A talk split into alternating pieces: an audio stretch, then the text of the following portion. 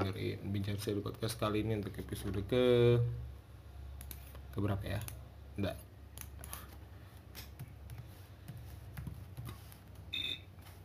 Ke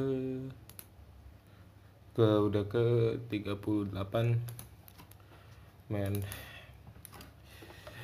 terasa sudah 38 minggu aku bersama kalian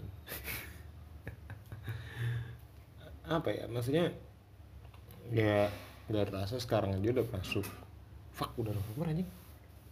Gila 2000 2019 udah dua bulan lagi dan dan belum ada resolusi tahun 2019 gue yang tercapai. Hah? Mana resolusi tahun 2019 kalian yang kalian apakah sudah tercapai? Mana resolusi 2019 kalian yang kalian share di tweet kalian kalian share di Instagram story kalian supaya orang-orang di sekitar kalian tahu kalau aku oh, ternyata dia tuh punya rencana ya. Udah pas belum sih? Biar. oh, udah.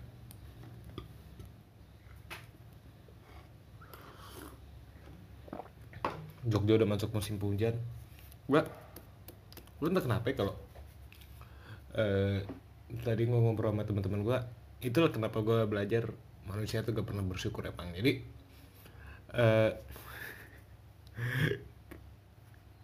ketika dulu pengen pengen hujan pengen Indonesia turun di kota ini turun hujan eh temen gua eh waktu pokoknya waktu zaman itu atau dua minggu lalu waktu apa Jogja lagi nggak hujan lagi emang kebetulan lagi panas banget bahkan sampai menyentuh ke 37 derajat kan.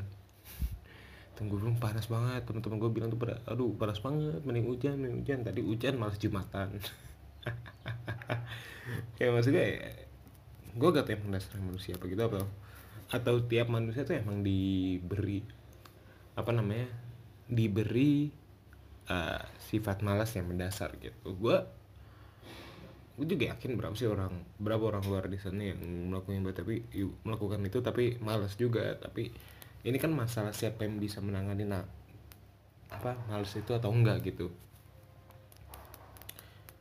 Jadi gue ngomong kayak gini digeruduk orang kayak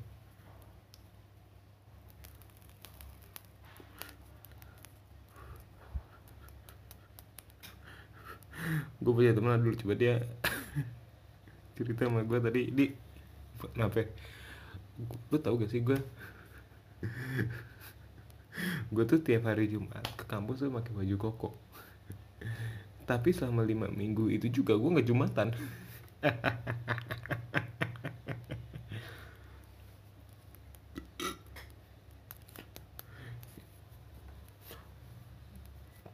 Itulah apa yang disebut kalau alim atau tidaknya lu itu ditentukan oleh perilaku lu bukan dari pakaian lu ya maksud gua ya itu kan maksudnya cuma apa, apa ya bagaimana lu menambah bagaimana lu berpenampilan gitu bukan kan menurut gue Tuhan itu menilai umatnya dari bagaimana dia bersikap kepada dia gitu bukan bukan dari bagaimana lu berpenampilan bagaimana bagaimana lu dinilai orang lain bukan dari bagaimana lu menasihati orang lain bukan dari seperti itu kalau menurut gua ya kalau salah mohon di kalau mau kalau salah tolong dikoreksi.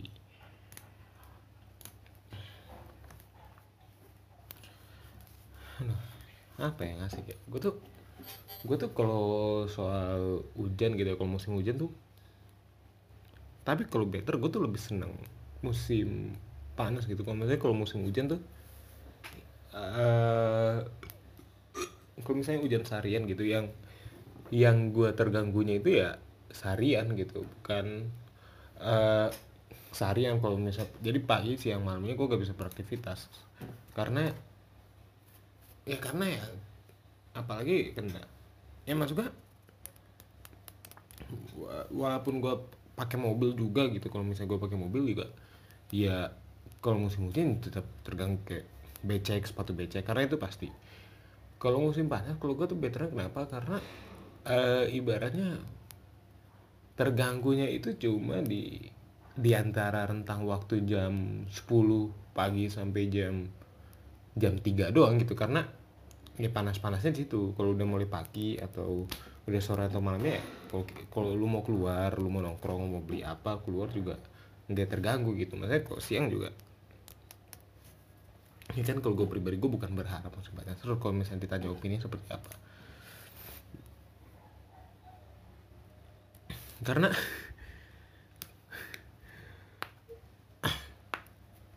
gue tuh gue kan dari Bogor ya Bogor tuh dibilang kota hujan tapi sebenarnya sebenarnya bukan Bogor kota hujan yang benar tuh Cisarua kota hujan. Karena ya Bogor tuh Bogor sekarang ya kalau udah hujan itu karena Bogor sekarang panas ya kalau hujan itu airnya karena suka panas ini misalnya siang panas teriknya. Siang panas terik lalu uh, sorenya itu hujan. Ya sorenya hujan ya jadi gue gak tahu. Ini teoritis gue aja ya. Lu jangan terlalu percaya dengan teori ini karena gue jarang baca buku. IPA gue waktu SMK itu gue digambar guru matematika gue digambar guru matematika gue 2,3 padahal tiga tahun gue les di SMK sama sama di SMK gue les cuma matematika doang. Jadi lu jangan percaya sama teori. Jadi teori gue tuh kayak awan panas. Awan menyimpan air eh, karena mataharinya cahaya nggak ada penghalang nggak ada awan hitam atau apa jadi ya simpanan tuh panas simpanan air itu jadi ikut-ikutan hangat gitu kayak uh, ya jadi ya panasan buru pas pas itu tuh airnya udah hangat gitu. Udah kayak spa nih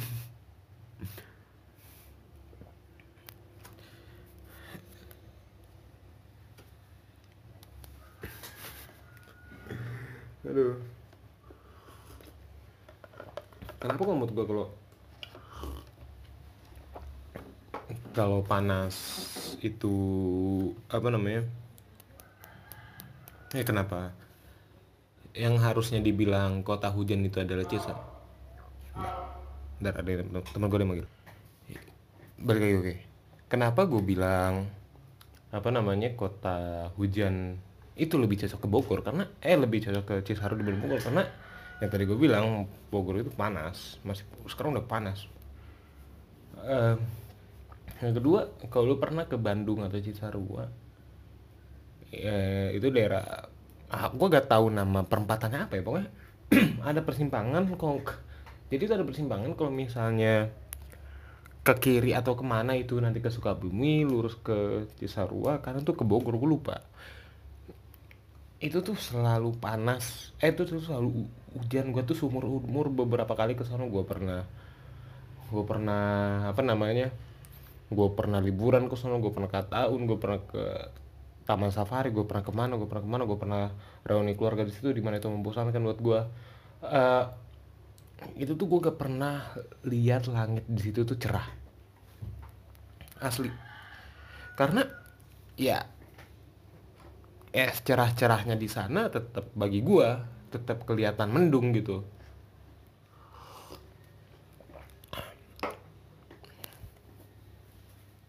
Tapi kalau Cisarua kota hujan ya kalau menurut gue lebih tepatnya di situ sih.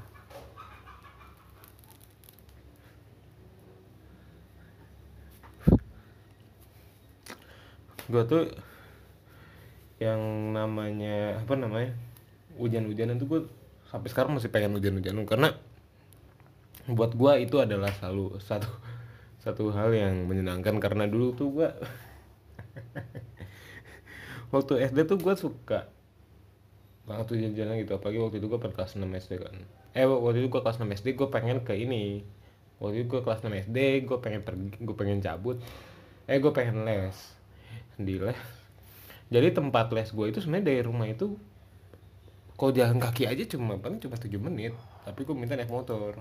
Gue les jam 4 gue ini jam 3 apa berangkatnya jam 3 sampai akhirnya gue cabut dulu dong kan temen gue masih bohan-bohan. Ada teman gue namanya Bohan. Gitu gue tuh selalu suka hujan-hujan gitu. Oh ya pada saat itu gue nggak pakai helm karena gue ngibul sama nyokap gue karena gue bilang ya ini cuma ya pakai motor cuma dari sini ke tempat dari rumah ke tempat les doang. Karena kalau gue pakai helm ya karena kan rumah gue di perumahan gitu kan. Jadi kalau kalau misalnya keluar komplek tuh harus pakai helm. Jadi gue nggak gue jadi gue nggak pakai helm. Dan gue tuh jam tiga udah berangkat tuh gue muter-muter entah ke mana entah ke mana. Dan dulu tuh ya gue kan agak jauh-jauh gitu. Dari gue sampai ke rumah temen gue yang SD sampai ke mana uh, rumah temen gue SD tuh di arah itu di luar komplek gue itu rumahnya itu kalau dari rumah gue itu bisa sekitar 30 menit naik motor. Jadi dan itu berapa kali gue ngelewatin rumah temen gue kebetulan ada nyokap temen gue di depan rumahnya. Dia ngeliatin gue ngira ini si Audi apa bukan gitu kayak oh dan itu gue gue langsung ketakutan men. Gue gue tuh sampai sampai pernah ngelarang nyokap gue datang buat ambil rapot biar gue datang aja sendiri bagi rapot gitu karena uh, apa namanya lu kok nanya nyokap gue tuh pas gue tuh udah kayak urban legend dulu di kalangan temen-temen nyokap gue karena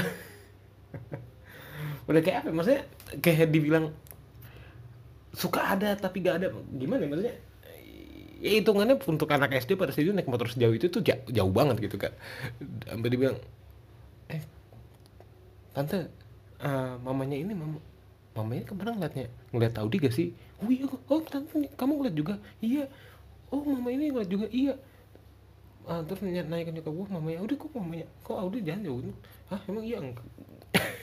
Jadi kayak gue tuh ada di mana kayak gue tuh ada di mana mana dulu tuh dibilang karena gue suka tiba-tiba muncul di daerah yang enggak yang enggak yang enggak apa ya yang yang mungkin temen-temen nyokap gue tuh nggak bakal ngira seorang anak anak kelas 6 SD bakal naik motor sejauh itu.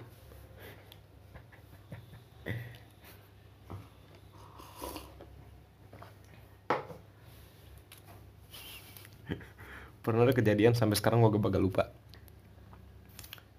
jadi waktu itu gue balik les. Gue balik les terus uh, itu waktu itu malam hari Kamis malam gue kena kelas 6 juga. Itu jam berapa ya? Jam jam berapa di jam 9 malam baru kelar. Nah gue muter-muter ke kampung belakang. Uh, ke kampung belakang muter-muter. Nah jadi kayak jadi perumahan gua di itu di belakang itu ada jalan kampung gitu nanti di belakang jalan kampung itu jadi ada di apa ada kayak kelompok apa perumahan golf gitu boulevard gitu. Sorry. Uh, jadi perum jadi rumah gue tuh ditahan sama golf gitu sama bukit sama kampung gitu. Di apa jadi di perumahan gue sama Bukit Golf ini ditahan oleh uh, perkampungan ini. Jadi gue terus jalan ke Bukit Golf ini kan. Karena Bukit Golf ini kan emang jalannya tuh lumayan enak lurus gitu lurus set gitu. Udah kayak apa namanya? Apa namanya sih udah kayak udah kayak ini aja udah kayak suka biasanya dijadiin arena balapan balapan liar gitu sama bocah-bocah situ. Uh, terus satu kali gue ke sana. Inget ya ini jam 9 malam. Gue naik motor muter-muter.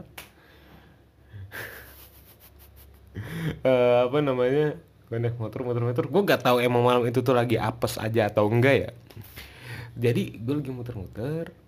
Lagi muter-muter set lagi muter-muter muter-muter. Di situ tuh ada patung Bung Karno.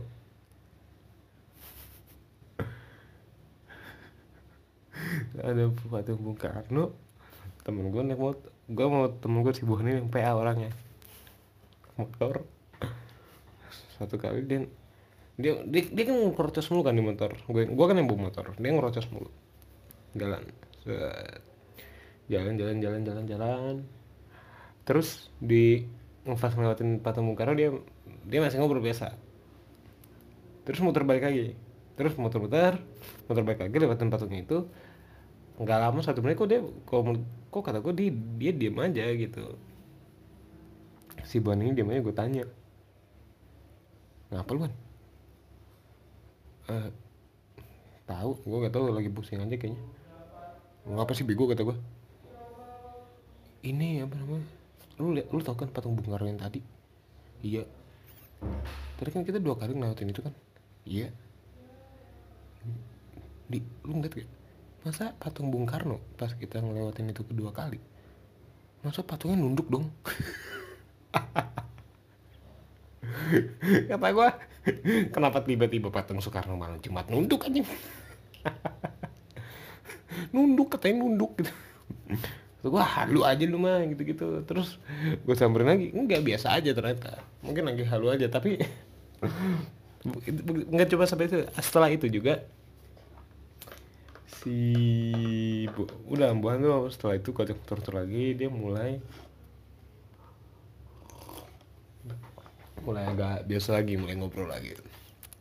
Jadi gue inget kok kok nggak salah waktu itu kita nyampe rumah tuh hari jam 10 malam. Jadi si buan ini ngobrol-ngobrol. Terus nggak lama dia diem. Dia diem tuh. Dia diem terus gue tanya kenapa lagi lu siapa lagi yang nunduk kata gue siapa lagi yang nunduk kata gue kenapa diem lagi lu? Oh, enggak enggak enggak apa-apa.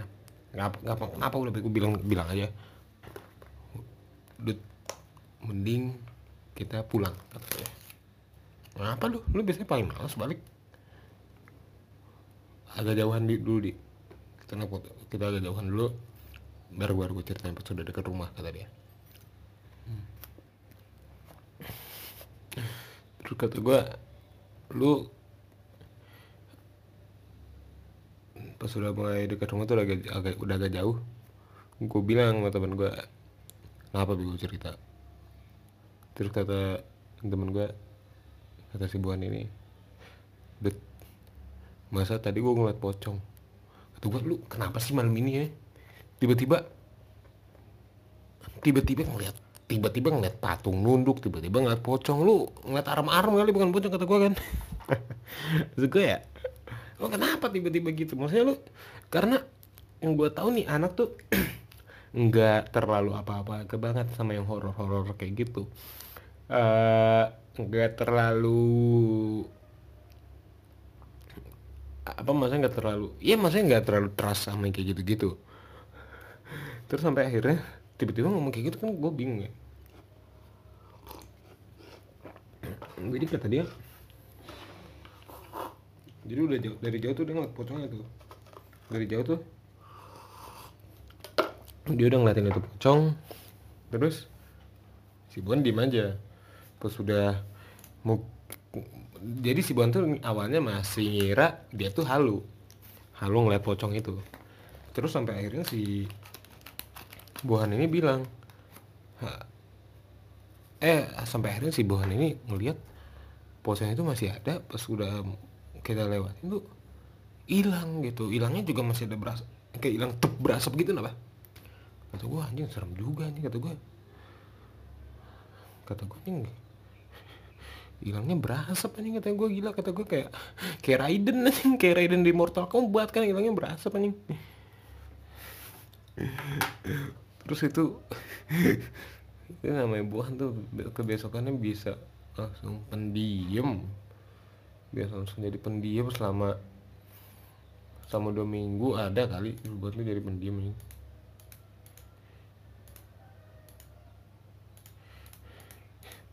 So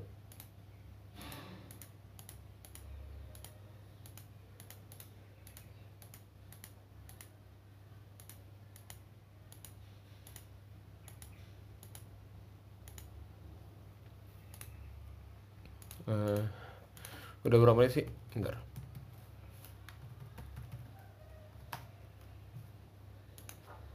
Begini sih bentar. Oh kalau misalnya lu pada ada yang mau diundang bilang aja dong DM atau apa seru gitu jangan jangan kalau ketemu di kampus ngobrol bilang aja gitu gak usah takut gak usah ngira ih Saudi kayak kok kesannya kayak gue butuh sih maksudnya udah biar kita ngobrol dan rekam gitu. Tentuin lu kapan free-nya. Gue bakal ngusahain gitu asal asal jangan pas jam gue kuliah aja. Ini udah berapa menit sudah 20 menit. Nambah apa lagi ya? Uh, udah lah kayaknya. Jadi bentar bentar. Aduh apa film? Apa ya gue tuh lagi sekarang lagi pengen nonton film mas nonton film apa ya? Ini gue bingung lagi nyari bridging ya ada jadi pengen udah langsung aja lah. Jadi uh, kemarin gue tuh ngeliat ada ada orang temen gue gak tau dia ada tingkat gue di kampus apa gimana ya dia tuh pakai rambut pakai baju apa pakai apa namanya pakai rambut dicat warna merah gitu. Tapi dia apa namanya gue yakin sih kalau kata kalau kata temen gue nih kalau kata temen nih dia ini rambutnya dicat warna merah dia tuh berharap kayak Sonic. Kata gue Sonic apanya gue first impression ngeliat rambutnya di warna merah malah kayak uya kuya nih. Itu gue iya gue tuh sampai gue ya gue gue mah nggak mempermasalahkan gue nggak bilang ini jelek apa enggak. Cuma ya harus diakuin ya. Ya kalau misalnya ada orang ada gue berganti gaya deh gue ganti cukur rambut apa pasti ada yang komentar cek ada bro kayak gak apa-apa. Maksudnya kan gue juga berpenampilan atau apa juga pasti dilihat bukan untuk supaya dilihat orang tapi maksudnya orang lihat gue gitu dan apa pun responnya juga ya terserah gitu. Uh, uh, apa namanya? Uh, gue tuh kalau sampai sekarang tuh bingung main namanya konsep cosplay gitu karena uh, sekarang gini apa namanya kalau itu dijadiin hobi sih gak apa-apa. Karena gue tuh dari dulu ya punya temen. Temen gue ini dari kecil emang punya cita-cita pengen jadi cosplay gue tuh nggak permasalahin dia nih gue mempermasalahkan perasaan orang tuanya. Gue tuh gue tuh sekarang gini deh gue aja gue gue aja sebel aja kalau misalnya punya anak gue sekolahin dari TK SD SMP SMA kuliah waktu lulus malah jadi gundam aja eh gundam Dragon Ball anjing. Terus gue aduh apa sih? Gua tuh gua tuh kuliah buat jadi sarjana bukan jadi kayak beginian bukan jadi gundam. Mau gua gitu loh. Mau gue ya kalau jadi hobi ya gak apa-apa tapi ini opini gua aja kalau misalnya ada yang bisa hidup dari itu ya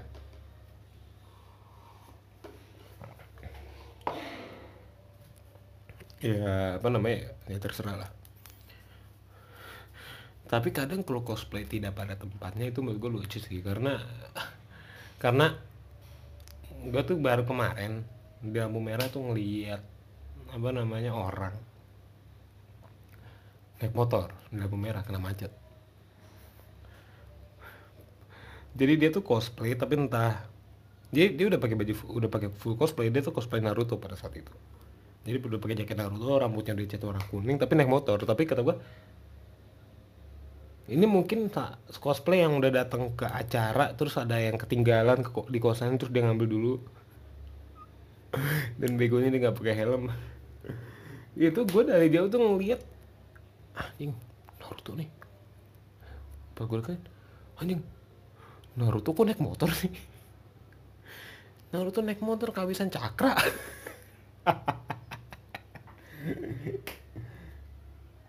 tapi apa ya? Gue tuh gak tau selalu selalu bingung kayak gitu-gitu kan.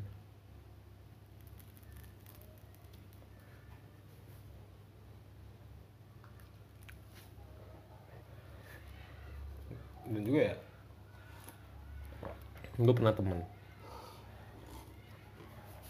gue pernah ada temen dia tuh kos dia tuh maksud gue ya kalau gue tuh nggak menyalahkan gue nggak bilang orang yang berkulit hitam gue kulit gue hitam gue nggak menyalahkan orang yang kulitnya hitam itu gak boleh jadi cosplay maksudnya lu bisa lu bisa kok kalau lu pengen jadi cosplay kalau lu ngoyo pengen jadi cosplay tapi lu pengen jadi cosplay yang mi- mirip gitu lu bisa nyari gitu jadi apa gitu lu cari aja karakter-karakter keren yang berkulit gelap gitu. Sebenarnya gelap warna gelap kan jelek kan cuma maksudnya ada warna putih ada warna hitam udah gitu dong. Ada orang ada orang berkulit terang ada orang berkulit gelap udah gitu aja. Nggak ada yang jelek ada yang buruk. Nah cuma gue punya temen ini temen gue sih nggak bakal masalah sih. Gue karena gue udah pernah bilang juga. Temen gue udah bilang dia tuh dulu cosplay apa gitu. Gue gak tahu dia peko apa gimana gitu. Mukanya nggak jadi dia tuh nggak pakai baju jadi dia ngebedakin dulu kan. Lehernya dibedakin putih. Tapi lengket gitu kata gue dia pakai mentega nih kata gue kan. Terus pas dia dia bedakin udah kelas dibedakin jadi kulitnya masih hitam tapi lehernya putih. Jadi pak jadi ada batasnya gitu loh. Jadi palanya tuh hitam lehernya tuh putih terus dadanya tuh hitam lagi. Jadi atasnya tuh hitam putih hitam. Jadi jadi jadi, jadi kelihatannya dari itu jadi hitam putih hitam kata gua cocok juga lu nge cosplay Oreo dulu kata gua gua gila juga nih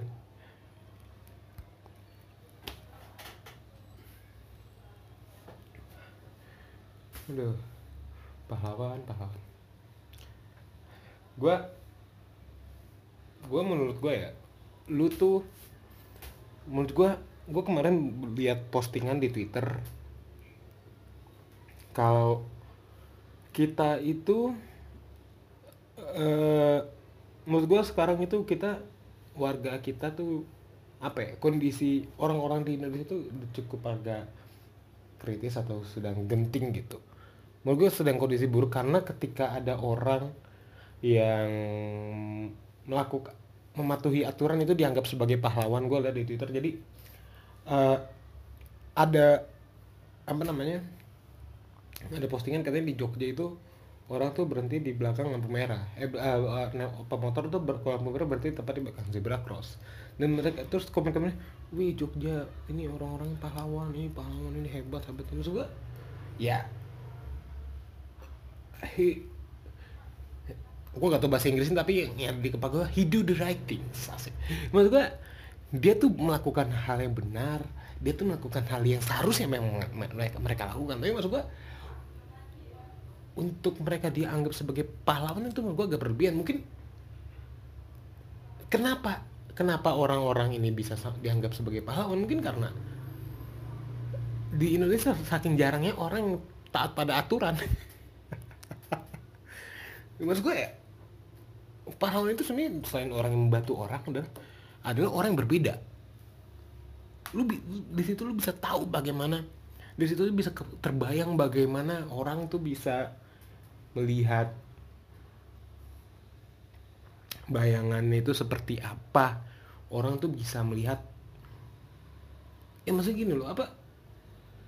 Kan orang yang ma- melatih aturan belum tentu dia bisa dibilang the heroes gitu. Kayak apa ya orang yang datang tepat waktu bukan orang yang datang tepat waktu orang yang seragamnya lengkap orang yang apa ya habis makan piringnya ditumpuk orang yang apa namanya nggak pakai knalpot racing orang yang nggak orang yang apa ya orang yang nggak ngewe sebelum nikah orang yang nggak pokoknya orang-orang itu itu bukan pahlawan mereka cuma melatih aturan aja. Udah pahlawan itu adalah orang yang ngebantu lu di mana dia lagi tertidur kah dia lagi apa di mana seharusnya dia bisa bernyaman-nyaman dia bisa main dia bisa, bisa berleha-leha dia bisa bersantai-santai. Tapi dia malah meng, meng- apa malah memilih untuk membantu lu. Itu baru pahlawan kalau menurut gua.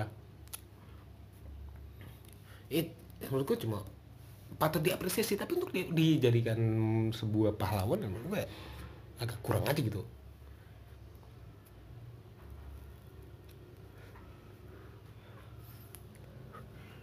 Sebenarnya kalau kalau lu bilang Jogja orang yang damai enggak juga sih. Karena gue tuh kemarin baru baru baca berita. Sumpah ini miris tapi lucu. Aduh. Jadi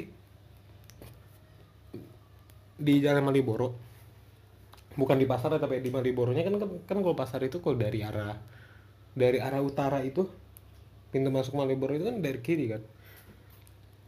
Itu di seberangnya BNI pokoknya lurus lagi pokoknya berhadapan sama BNI kan ujung nih. Jadi dari utara dari arah utara. Nah kan Maliboro itu kalau pasarnya itu ada di arah barat berarti. Nah di arah timur itu kan trotoar kan panjang ada yang jualan-jualan ada mall Maliboro ada hotel ada halte Trans Jogja. Nah itu di sepanjang jalan itu kan di beberapa titik berapa, meter sekali itu gue gak tau gue nggak ngitungin. Pokoknya ada beberapa yang ada beberapa keran siap pakai oke. Jadi ada beberapa keran siap pakai dan keran siap pakai itu itu gue lupa angkanya ada berapa. Pokoknya di oke kita ambil ada enam ada enam keran. Jadi dari enam gue ambil contoh aja pokoknya bagian enam keran. Gue gak tahu tepatnya berapa tapi angka kerusakan gue apa? Ada enam keran. Oke ada enam keran. Ini enam keran itu buat contoh aja gue tekanin lagi. Jadi di enam keran itu seruput dulu.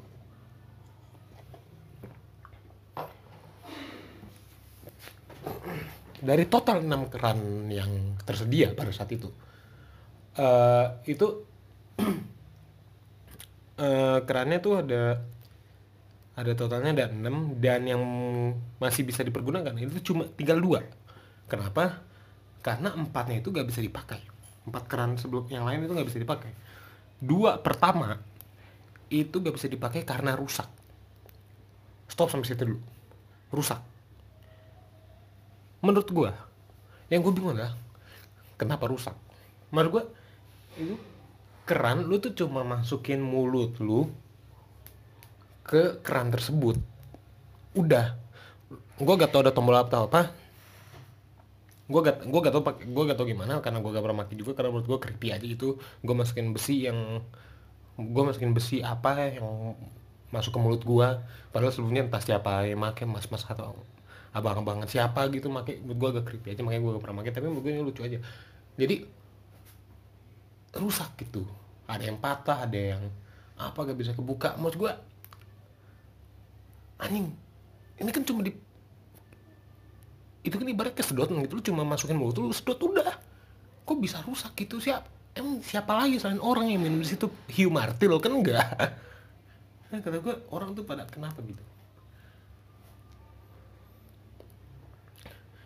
Itu dua pertama. Dua pertama itu kerannya rusak. Jadi dari total 6 keran contoh doang 6 keran duanya itu rusak. Duanya lagi nggak bisa jadi dari total 6 keran dua rusak. Dua duanya lagi kan tempat total nggak bisa dipakai. Jadi dua itu rusak duanya lagi dua keran lagi nggak bisa dipergunakan itu karena hilang. Mungkin menurut tuh itu biasa aja.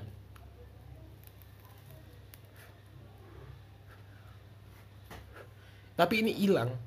Hilang. Hilangnya bukan diambil bukan.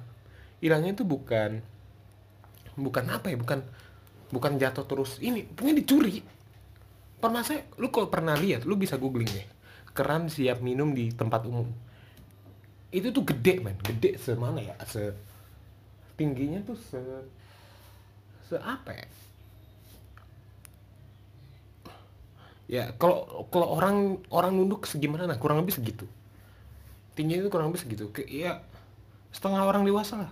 Se dada orang dewasa lah. Itu juga udah rendah menurut gue tinggi itu sedada orang dewasa. Cukup gede kan tapi kok bisa hilang? Permasalahan gitu kok bisa hilang? How? Ada yang nyuri. Wow. Ada yang nyuri loh dua lagi dua. Ini ada yang nyuri berarti ada yang ngebongkar ada yang ngambil ada yang ngebawa. Pertanyaannya lu tahu Maliboro itu rame kan? Da dari sekian banyak pengunjung dari sekian banyak pengunjungnya itu ngeliat di, jadi di, di, di, di, di Maliboro suatu hari lagi rame gitu. Rame beribu apa beratus ratus orang lagi belanja gitu segala macem. Di tengah-tengah mereka ada orang ada dua gue gak tau nih pokoknya ada orang yang bawa keran air umum siap minum digotong-gotong. Kok nggak notice sih? Maksud gue tuh ini ada orang bawa-bawa keran kenapa lu biasa aja gitu? Mungkin lu ngelihat orang bawa keran tuh kayak orang bawa tas Fladeo gitu atau tas Donatello apa gimana sih maksudnya? Ya ini tuh orang nolong keran dan keran tuh gede. Jadi gotongnya tuh bisa dua orang atau satu bisa satu orang atau dua orang gitu. Jadi cukup gede. Pasti lu notice masa masa orang sama nggak ada yang ngelarang gitu? Eh mas kerannya mau dibawa ke mana masa gitu sih mas ya? Lu menganggap masa orang bawa ker orang gotong-gotong keran lu anggap kayak bawa tas Fladeo? Ini gue tuh ini tuh pengen gue jadi impit dan gue pengen jadiin materi. Gue nggak nemu punchline nya oh, udah lah gitu aja kayaknya. Udah cukup itu aja kayaknya. Eh, sampai bertemu di episode selanjutnya. Eh, episode 40 nanti. Sekarang kan yang ke 39 oke thank you. Selamat beraktivitas. Happy weekend dadah. Adios